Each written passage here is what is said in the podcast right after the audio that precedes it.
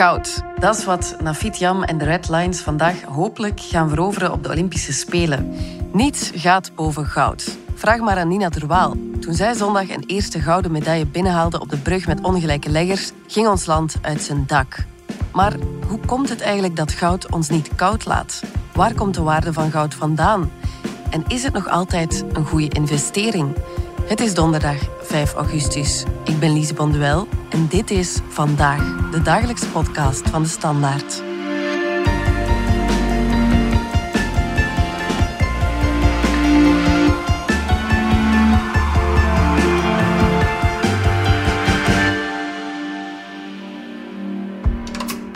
Collega Inge Schelstraten van de cultuurredactie. Wanneer dacht je voor het eerst van goud? Wauw, wat is dit? ik heb, denk ik, zoals de meeste Belgen voor het eerst goud gekregen toen ik mijn plechtige communie deed. En ik heb dat gouden kruisje nog altijd. En ik schrok toch wel in de winkel over hoeveel keer mijn zakgeld dat kruisje kostte. Dus ik wist dat het een belangrijk cadeau was dat ik uh, kreeg van mijn tante. Verder heb ik eigenlijk niet zo... Ik draag niet zoveel juwelen. Ik heb um, een stel oorbellen geërfd van mijn grootmoeder die gestorven is toen ik heel klein was. Toen was ik de enige kleindochter in de familie, dus zeer belangrijk emotioneel. En ik heb uh, sinds vijf jaar een gouden ring die een kopie is van een barokring uit Venetië, een memento mori ring met een doodshoofdje, ook al is die in mm. goud. En uh, die heeft ook een speciale betekenis voor mij. Die draag ik elke dag omdat iemand mij ooit gezegd heeft, je moet één keer per dag aan de dood denken, dan verspil je minder tijd. En dat vond ik, vond ik wel een mooie. En door een ring te dragen en dat doodshoofdje elke dag te zien, is dat ook zo.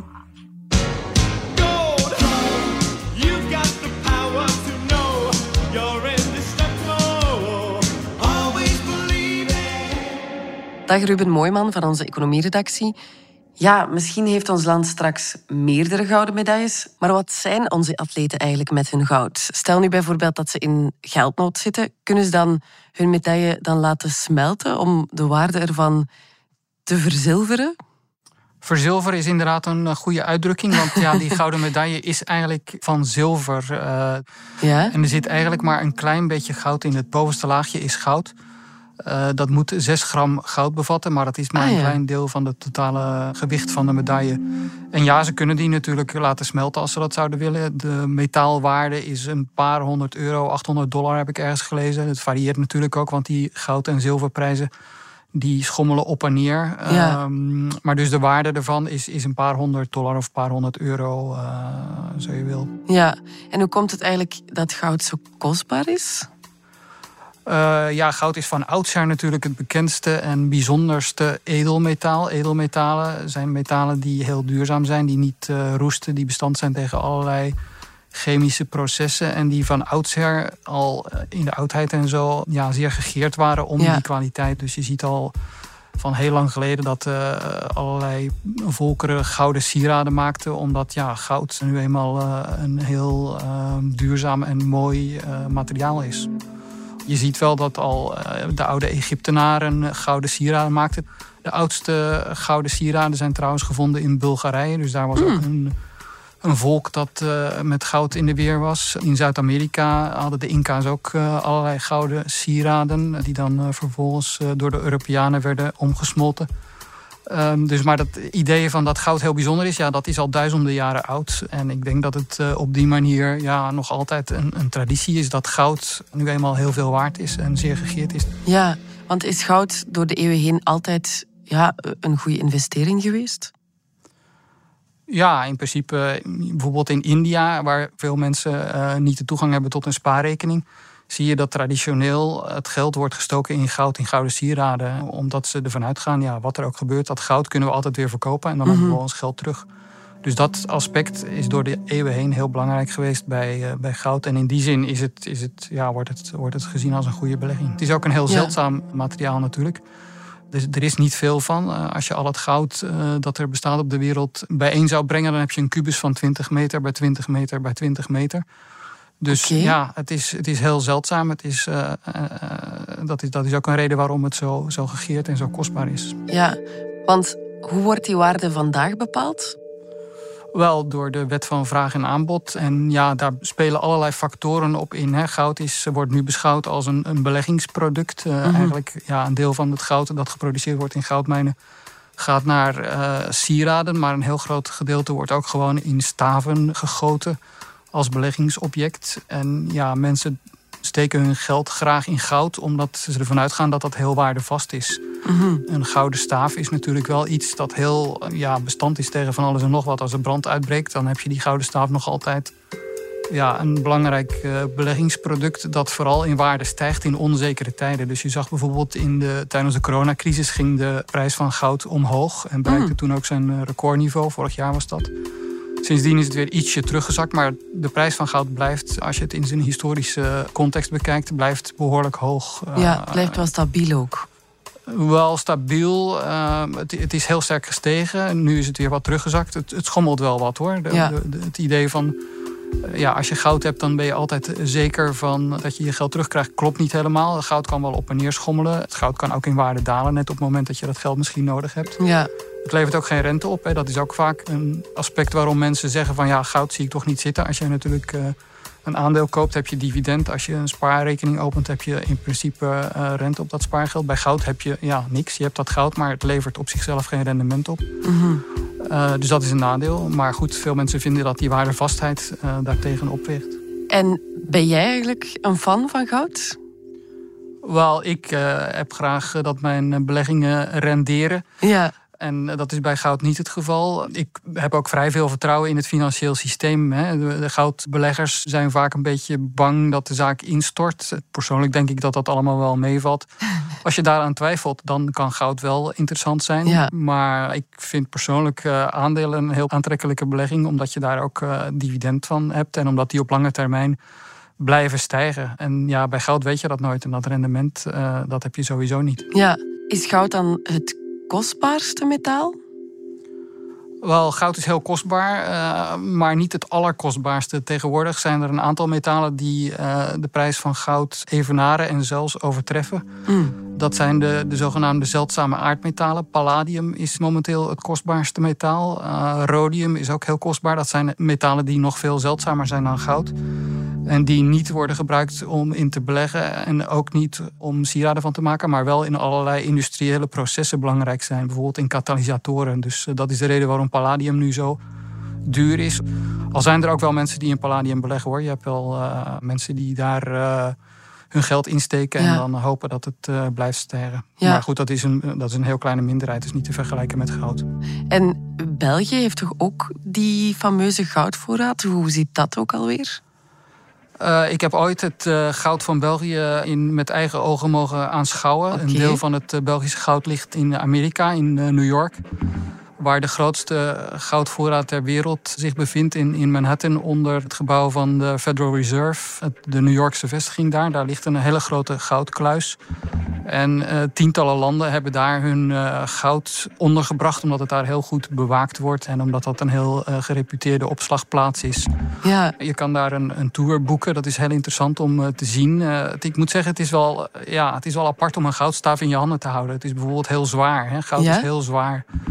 Um, je moet zelfs veiligheidsschoenen aantrekken, omdat het gevaar bestaat dat als je zo'n goudstaaf laat vallen, dat dan je tenen verpletterd worden. Ah. Dus uh, als je daar naartoe gaat, iedereen moet schoenen met uh, stalen neuzen aantrekken.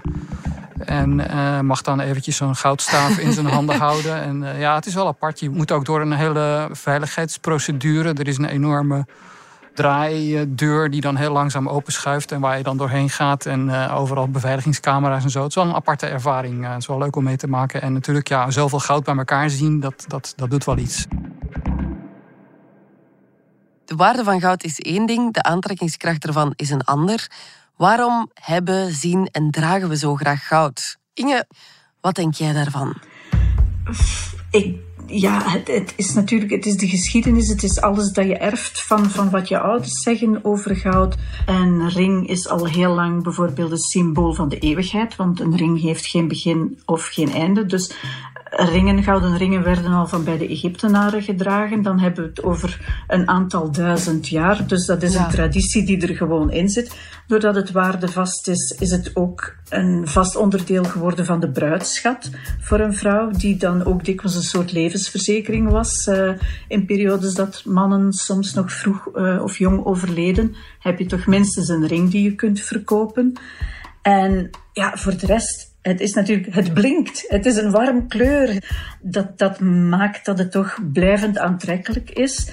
Ook al veranderen de modes. En die exclusiviteit, moet ik zeggen, is ook niet universeel. In China bijvoorbeeld is goud weliswaar waardevol, maar jade is nog veel waardevoller. Ah. Nog, nog zeldzamer.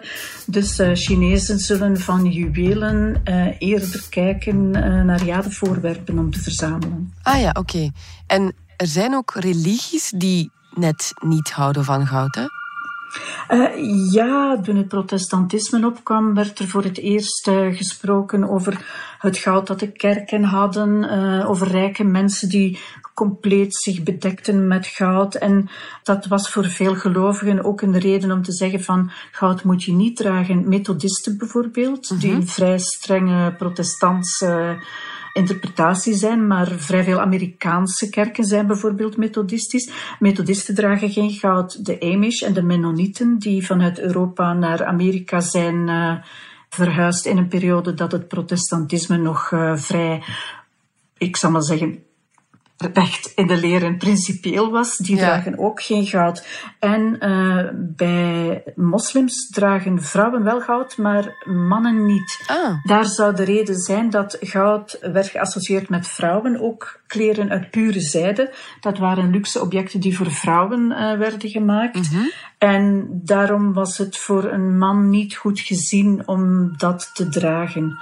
Dus uh, moslims die recht in de leer zijn, mannen dragen een platina trouwring, maar geen gouden ring. Ja, en is de aantrekkingskracht stabiel gebleven door de eeuwen heen of zit daar toch ook een evolutie in?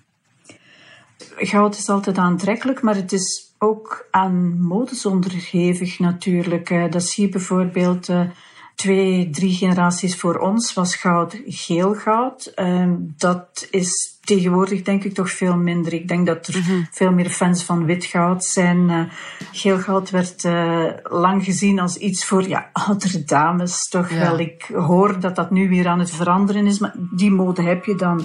Overigens is er meer dan alleen modes die bepalen hoe er naar goud wordt gekeken. Ik herinner mij dat een Nederlandse artieste vertelde dat zij, ze kwam uit een heel erg uh, gewoon milieu, arbeiders.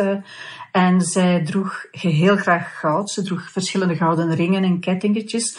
En zij vertelde in een interview dat ze al een poos op de kunstschool, op de academie rondliep voor ze ontdekte of te horen kreeg eh, dat heel veel goud dragen, dat dat toch een beetje ordinair is. Het is wel een feit dat bijvoorbeeld in bepaalde milieus, waar mensen zich heel goed goud kunnen uh, veroorloven, dat het eerder gebruikelijk zal zijn om één stuk te dragen dan om echt heel veel goud te dragen, omdat ze dat ja, een beetje ordinair vinden en ja. een beetje nouveau riche. Het is, het is een zeker snobisme, maar dat hangt dus ook rond goud wegens zijn waarde en zijn veelzijdigheid en zijn, zijn opzichtigheid ook. Ja, in de hip-hopcultuur is goud echt een ding, hè?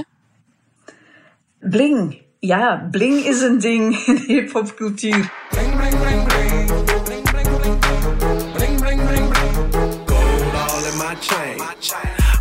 All in my watch. I put on my jewelry just to go to the bodega.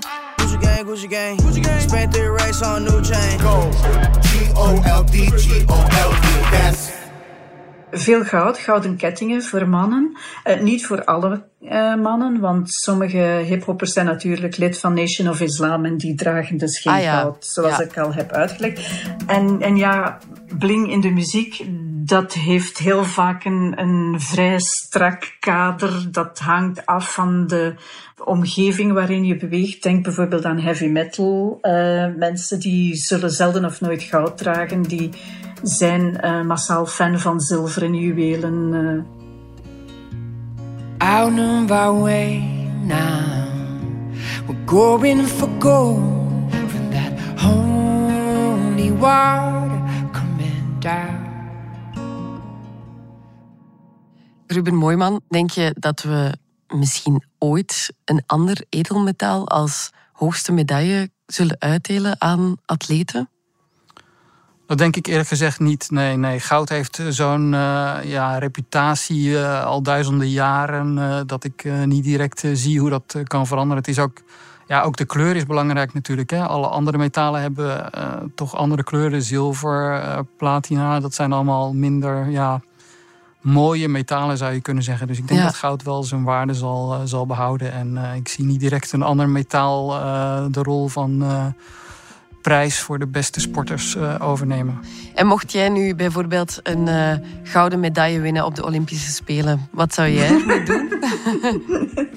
ik, ik denk dat de discipline waarin ik goud zou kunnen halen nog moet uitgevonden worden. Dus als ik er één zou uh, halen, dan zou die toch wel een centrale plek krijgen ergens in mijn interieur, zodat iedereen ze kan bewonderen. Ja. Inge Schelstraten, Ruben Mooiman, dankjewel. Graag gedaan. Graag gedaan. Dit was Vandaag, de dagelijkse podcast van de Standaard. Bedankt voor het luisteren. Reageren kan via podcast.standaard.be. Alle credits vind je op standaard.be-podcast. Morgen zijn we er opnieuw.